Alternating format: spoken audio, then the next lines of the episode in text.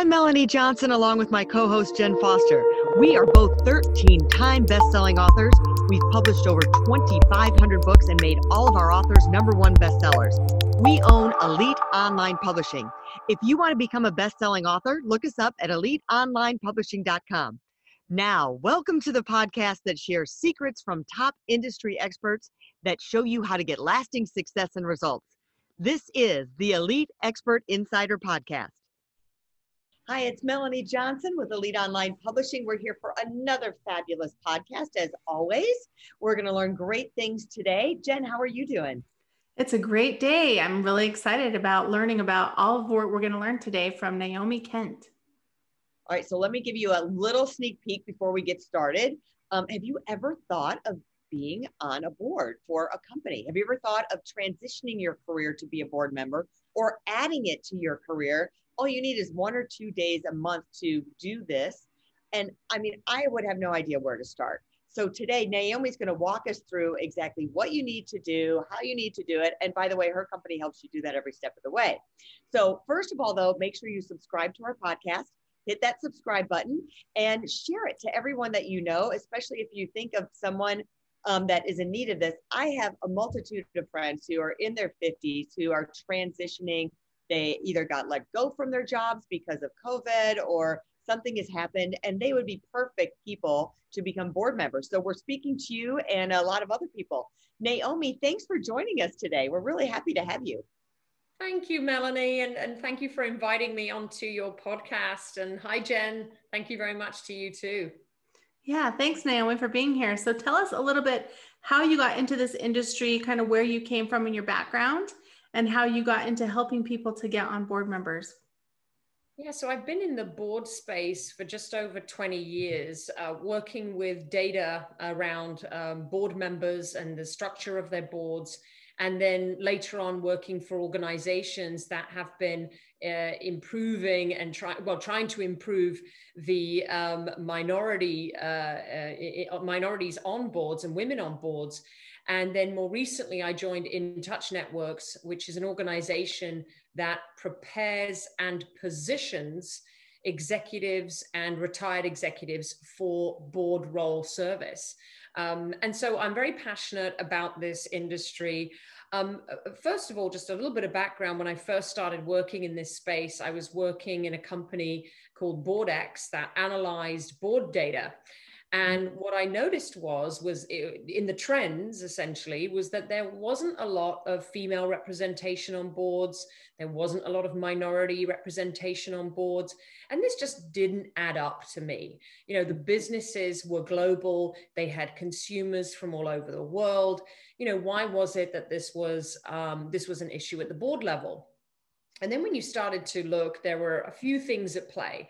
Um, one main uh, part of this was that there wasn't a lot of movement on boards. So people stayed on the board for many years and, and didn't really roll off the board. So this was sort of one area that, that was pretty clear from the data and from what I was seeing. And then the second part was that recruitment at the board level um, was done either through a large recruitment business um, or which is fairly costly for businesses, uh, or it was done through word of mouth. So referrals, uh, people would frequently ask the board, hey, you know, do you know anyone? We're hiring a board for a board member next year. So uh, what sort of tended to happen was, uh, I don't think they uh, people went out to try and create a group of board members that were not diverse, but just naturally they tended to hire people that they knew, which were like them. They had the same wallet size, and and and they looked like them and sounded like them, and came from the same schools. So we find ourselves today um, however, and I started this sort of the year 2002, but we find ourselves today in a very different environment. And so I'm really excited about the change that is going on right now and um, all of the positive change that's happening. So I'll talk a little bit about that as well. So let me ask you, we're talking about women and minorities on boards that you had mentioned that, that this seems to be in low numbers. So two questions. Are you seeing that there's a demand for that now with the way the culture has changed over the last 24 months? Um, and so is there, are, companies looking for minorities? Are they looking for women to be more diverse? And the other thing is, um, you know, being a, a woman executive, starting from scratch, what does uh, just a woman or a man, what are the first steps they should be doing to become a board member? Where do you start? Yeah, so so to sort of tackle the first part, which is you know why is change happening? What what have I seen? Um, well, first of all, um, uh, probably about five five or six years ago, I think businesses started to see in the data that uh, diverse boards overperformed um, the less diverse boards. And that was not just due to female representation or minorities, but actually a diverse group of people. So we don't want, you know, a group of finance people on a board. We don't just want a group of legal experts on a board. We're really looking for somebody who brings a different perspective. So somebody from different, we call them subject matter experts. And so um, uh, that started to happen five to, you know, up to sort of 10 years ago. People started to recruit quite unusual types of, uh, of, of, people to their boards that otherwise in the previous years it would have been just CEOs and just CFOs. Mm-hmm. Um, Sonos, for example, just recently hired the chief product officer from um, Microsoft to join. So, you know, they're, they're, they're, expanding. That would never have happened 10 to 20 years ago. So, definitely things are changing. And then, in addition to that, um, some very large investment firms started to speak up. So, Goldman Sachs, uh, BlackRock started to say, we may not invest in your business if you don't have a diverse board because we understand the value of having a diverse board. So that started to shift, and companies started to wake up and go, oh, wait, this is a problem. Yeah. And then finally, uh, we had uh, company countries in the in Europe, and then states in the United States, uh, California leading the way, that actually started to put some rules around how many women uh, you had to have on your board. And that started to change the, the dynamic of things too. And actually, um, some other states have, have definitely started to make moves, not necessarily mandating it, but definitely saying, hey, this is a recommendation. We're going to be watching you to see how many women you have on your board. And now minorities has become um, much more of a conversation than any anything before um, both the Hispanic community are working very hard to increase the numbers. And there's a, a new organization just launched called the Board Challenge, which is working toward bringing more African Americans onto boards. And so, really, I think the movement has really started to heat up recently. And so, what, what does that mean for everybody out there? Well, there's a lot of different things, not just minorities and women, but this subject matter expert is now well sought after at the board level. Again, you don't just have to be a CEO to get on a board. So it's really exciting times and it's opening up a lot of opportunities for people. Um, your question, where do you start? Um, well, the first thing is you need to decide is this a channel for you? Is this an area of development that you would like to go down? Um, and one of the ways that you can sort of find that out for yourself is to really explore the board space. You know, what is an effective board member? What happens on a board? Uh, now, there are plenty of learning and development and videos out there. You can even just, you want to just Google a few things, right, to find out um, what is a board member? What's the role of a board? Um, and really decide is, is that the role for you? It's, it's very much an advisory role. It, it's not a doer. You're not a doer anymore, right? So um, there's a shift there and a transition that you need to go through where you're advising the CEO, no longer being the CEO, essentially. And then the other thing you want to start thinking about is, is what is the right direction for you? Now, starting out, even if you've got 30 years experience, starting out in the board space, you know it's progression. You've got to start uh, somewhere at the bottom and work your way up whatever that bottom and up looks like for you depending on who you are. So you know my recommendation is always think about what's the sort of low hanging fruit? What are the people around you that sit on boards? Go talk to them. You know go ask them what life's like on a board. And then also if you have people who sit on industry boards you know like the american marketing association or the you know the engineering association there's every single industry will have its association boards. Mm-hmm. and sometimes that can even elevate your own personal brand. So uh, you know two in one right? Um, charities are crying out for great people to join their boards whether it's fundraising or actually being part of the team that help build the nonprofit um, so those are great places to start too. Um, and then there are advisory boards, very different from a board of directors. Um, you have less responsibility essentially know what we call fiduciary responsibilities at the advisory board level um, so it can be quite easy to, to jump in jump out so quick just recap. I'd say you know find out what you want to do whether you want to do it or not um, and then look around you. There are people around you that you know that sit on boards and, and i would start exploring some options there with them. Awesome. So how would you know like if you're the right fit or like if it's the right timing for you? How much time does it take to be on a board and how do you know like that you would be a good fit if you're just barely starting new You've hit on a really good point, which uh, a lot of people tend to forget, which is, you know, how much time is this going to be? And if you have a, a very demanding job plus a family plus all these other things going on you know is it is it something you can even take on? So i would absolutely ask myself you know do i have the time and the dedication for this? Um, and then the next thought would be you know what kind of a board member am i right? Um, where would be my best fit? Um, I there are some things I would recommend. I'd recommend working with perhaps a coach to discover what those uh, elements are that you bring to a board, and then I'd also start thinking about you know if if i do have the time and i can commit the time when you do come across an opportunity you still want to ask the question you know what's expected of a board member here at xyz firm. Um, you know what's the, what's the demands of the board members? How much time right um, am i expected to commit? And then just look at that and see if it's the right fit for you. Um, we talked before about some of these pro bono opportunities that can be a great stepping stone into the corporate space. Make sure it's it's really close to your heart you know um, make sure these causes are important to you, you'll be more likely and, and inclined to want to spend time on them um, versus the ones that perhaps aren't as important. So, and, and if you're looking at the corporate space, well, I mean, it's corporate culture. Uh, the people are really important, you know, just like you would be evaluating and doing your due diligence on a company that you're going to be an executive of, you want to sort of do the same thing at the board level. Um, don't just accept the first thing that comes along because they offer you money or equity, right? Make sure that it is the right fit.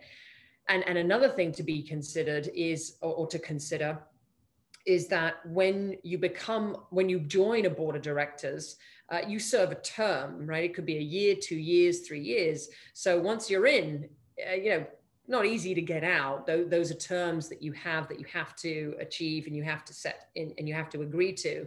So you want to make sure that this is the right fit. Do you and meet the other board members? Ask them questions, Google the company, do all the research, right, to make sure that it's the right fit for you. But you know, before that even happens, there's a an element of who am I and what am I going to bring to a board? Where's my best fit, right?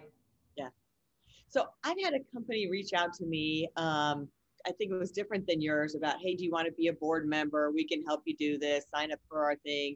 How do you disseminate? So let, let's say you're ready to make that step. You've done some of the things you've said, um, but like I wouldn't know how to solicit to get on a board member. Like how, how do I do that? And and if you have someone help you or hire a team or a company to help you, how do you decide which team? What should I be looking for when I'm hiring a coach or someone to get me onto that board?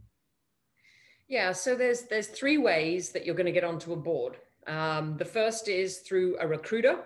So someone that you may know that's already recruiting. So my advice would be if you're really serious about becoming a corporate board member, reach out to those recruiters that you know and let them know that you're looking for a board role. Uh, there's nothing worse than sitting there knowing yourself that you're looking for a board member, but not actually telling anybody else. So right. be be be out there with it. Um, the second way that you'll get on a board is through an online application possibly one of the hardest ways because you are well not the hardest ways but it, it can be tough. You're just a piece of paper at that point. You know your resume or your bio or whatever it is that you have is all that is representing you. Um, the third and probably the easiest way is through your networks and referrals So, people that have worked with you, people that um, consider you to be a trustworthy individual, um, that someone that, that can, you know, come onto a board and work well in a small team, they vouch for you. That's probably the easiest way. So, again, the first step I would do is to look at your network and leverage LinkedIn, leverage the people around you, talk to whoever, um, and say, hey, have you ever been on a board? Do you know the board space? I'm looking to get into it. What's my next step? Um, now, here at In Touch, uh, what we do is, is because we prepare and position people for board service, um, we actually look at the complete sort of let's say journey. So it frequently starts with this what's your board narrative? What's your personal brand? What do you bring to a board? Uh, and that can be um, discovered through some of our learning and development but frequently it's discovered through working with one of our resume experts on creating a board profile. A board profile is just, tip, you want to call it a board resume or a board bio, it's basically who am I as a board member? And once you have that piece of paper, you're now over a huge hurdle, which is what am I doing? Where am I going? And now, anytime you have that conversation with your network, someone you meet, your dentist, could be anybody, um, you've got that, you know, board profile, you've got that narrative that you can say, hey, I'm an executive here, but while I'm a board member, I show up like this. And that's really important to be able to communicate that. So, just in summary, um, you know, making sure that you have the right paperwork, you have the right narrative, and then taking it all the way through to really speaking to your network, looking at what's out there. Um, there are obviously companies like ours that run you through that journey and support you along the way. Um, but there are also, if you want to just get started by yourself, there are some very easy, you know, pick up the phone, have a quick chat with somebody, perhaps your former boss, you know, guarantee they sit on a couple of boards and uh, and just start exploring. That's what awesome. the, the differences. Sorry, Jen, I have one other question on yeah, that. What would you say differences between a board resume versus someone's regular resume? How does that look different? Yeah, so they're very different. Um, so I frequently say it's like, let's say you have a hobby. So let's say I play golf. Um, my executive resume is going to be everything about me as an executive, my career. My golf profile would look very different right? But it's still the same person. And actually, in my golf profile, I might have some information about who I am that is relevant to also my executive career. So think about it rather than a resume like we think about our, our executive ones, think about it more as a profile. Who are you as a board member? So the main differences between these two an executive resume is more a chronology of everything that you have done in the past and what you're doing today. The board resume is more about all the skills and qualities you bring to a board today and in the future. So it's less about it's less about looking back it's more about looking forward. Um, yes, we look at your awards, your education, we look at your board roles. So if you've even been on a board of a, you know, your homeowners association, right? It doesn't matter. Um, any kind of board environment or committee environment that you've been in. Um, is, is really valuable for people to just understand that you know the board space and, and you have qualities um, uh, of a board member. So, so really, it's it's the the look and feel. We tend to do a one pager. We don't do more than one page, um, and it tends to also describe that person as a board director, not as an executive. That's that's great. I love all this stuff. It's so informative. I don't know much about this. So one question I have though is do you have to be a certain age to be on a board? Like, do they ever go to someone that's young, like 20, 25, 30, or is it something like more, you know, after you've hit a certain age? Is there an age requirement or do they only, you know, take people on boards with a certain background or age? Or I know you talked about minorities, but what about age? Yeah. So when I when I talk about boards and when people talk about boards, frequently they're thinking of you know the Walmart board or the the the IBM board, and you know there's there's thousands of different types of companies and millions of businesses in the United States that you can um, you know that that you can look at. So on the nonprofit side, we have they have junior boards So if you're uh, in your 20s, you can join a board of a nonprofit. Um, so look out for junior boards of some of the really big names. So I know some of the largest organizations have them um, because they want to give a chance, you know, give the, the younger generation a chance to kind of get get exposed to the board space. Um, and then there's sort of, I guess, uh, um, then again, you can industry boards, you could be in your 30s or 40s, you could jump onto those very easily. Um, advisory boards, I think it's really about whether you can bring the right advice. Um, so we have placed nurses on boards, we've pay, placed a dentist on a board. Um, we also placed academics onto corporate boards. It's mm. how you come across. So the nurse, as just an example, and I'll give you the example of the dentist because those might seem a little odd.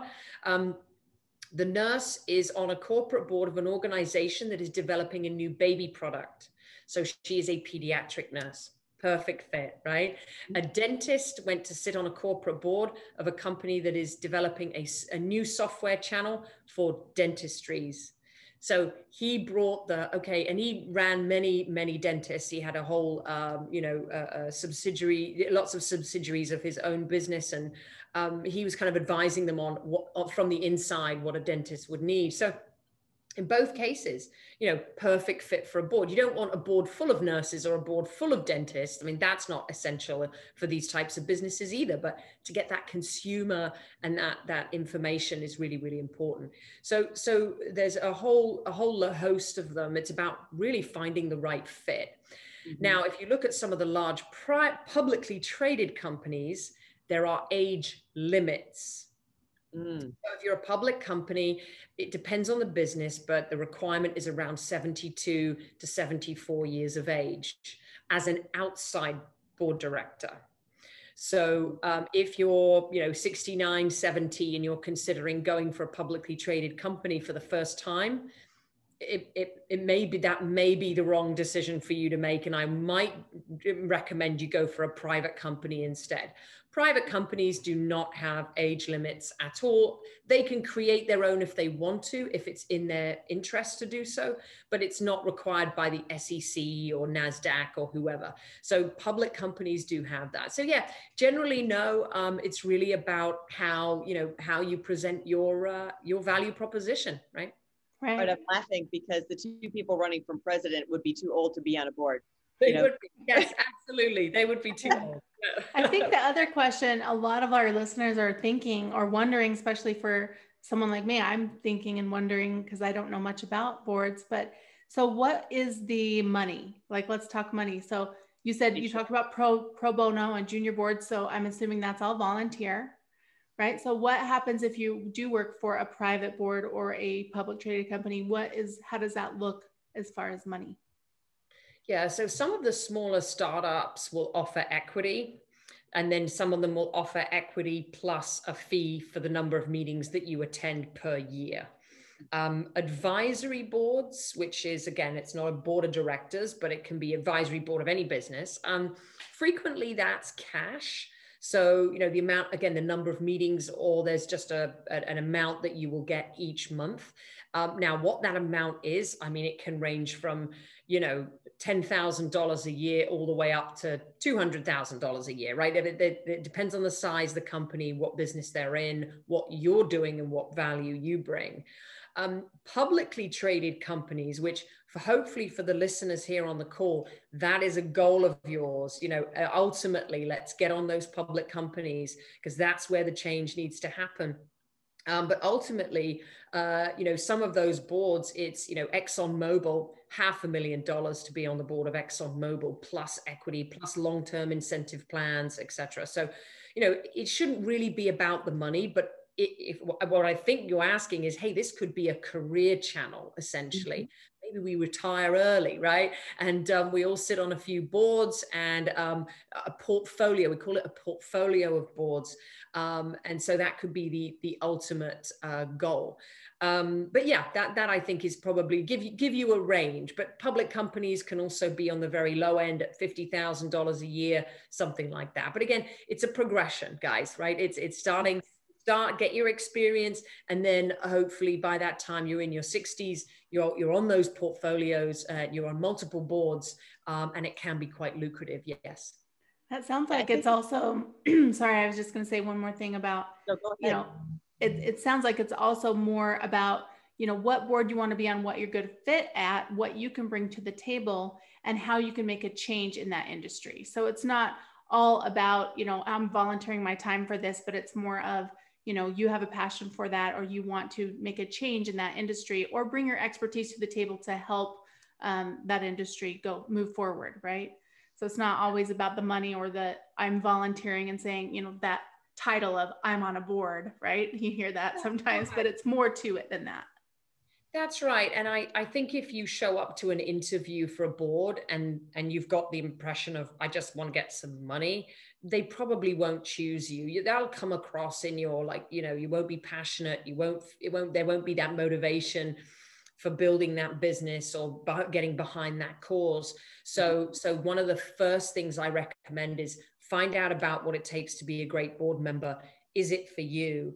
And then the second one is what are the businesses or the organizations out there that you feel really passionate about? And if it's the first step you're taking, just get in, start working, you know, and even some of the pro bono uh, boards, it's not a lot of work, you know, it, you know, it, it really isn't. Um, and the board meetings, the, the, the board information that you get beforehand is not like a public company. Um, we hear from our members that public company board meetings can take a whole day to prepare. So reading the notes, reading making sure you've got everything, you've got your questions, you know, you, you know, a, non-profit board would be a lot easier than that.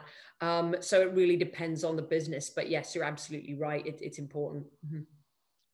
What are some final tips you can give us if you're considering being on a board?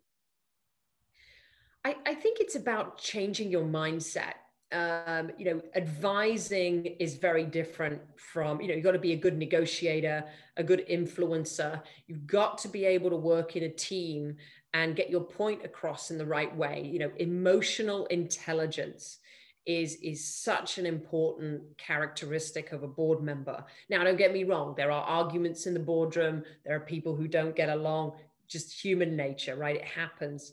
But some of the best uh, board members that get hired again and again and again have a real uh, talent for being able to communicate their ideas and influence the board on a particular matter. And sometimes it's not just sitting there talking about it, but doing research, finding out about a particular problem, cybersecurity. How am I going to convince the board that they need to think about cybersecurity, right? It's not just about banging your, your fist on the board, uh, the board table and saying, hey, we need to think about this, but perhaps going out and saying, I found out about businesses similar to us who have had uh, who have actually shut down as a result of cybersecurity issues. So these are the reasons why we should have it on our meeting, you know, on our agenda for our next meeting. So it's about really understanding how to uh, deliver a message, how to work with others, and then I think it's I mentioned before, it's the people. A lot of it is about the people. You know, do you want to work with people around you? And um, Uh, some of the questions we've asked board members in the past where we've said, what have been some of the best board experiences? Every time they say it's the people, you know, nothing to do with the product, nothing to do with the industry. It's working with those people, both on the board and in the executive management team as well. So, um, so those are really important things to look out for. That's great. Well, tell us where people can go to find more information and to work with you. Yeah, so if, if anyone is keen to work in, or start and kick off their, their board career, um, you know, we have consultants on hand and they can do free consulting just so have a quick conversation with our team to understand what it is that they need to be doing to get onto boards and whether it's something we can help them with or, or whether it's something that they can do on their own. Um, uh, our website is www.intouchnetworks.com and you just need to sign up there, put your name and email address and uh, telephone number, and someone will give you a call. And like I said, it's just a consultation uh, for you to understand the space and to see if it's right for you. That sounds fantastic. Well, I learned a lot. I think it was very fascinating. I think this opened up a whole new world to a big group of people. Um, I'm going to share it with couple people that I know that'll be really helpful with. Um, so remember to join us next time for another great podcast. Subscribe to our podcast and share it with your friends and share it on your social media. And if you're looking to have your business uh, write a book, um, contact us at Elite Online Publishing, where we guarantee we will work with you and market your book to become a number one bestseller on Amazon. We'll see you next time. Bye. Hey, are you looking to increase your revenue, build credibility, and elevate your brand? This podcast is brought to you by Elite Online Publishing, an innovative publishing and full spectrum marketing company. They will publish and market your book to make it a number one bestseller. Becoming an author is the best way to market your business. So contact them at eliteonlinepublishing.com today. All of their authors become number one bestsellers.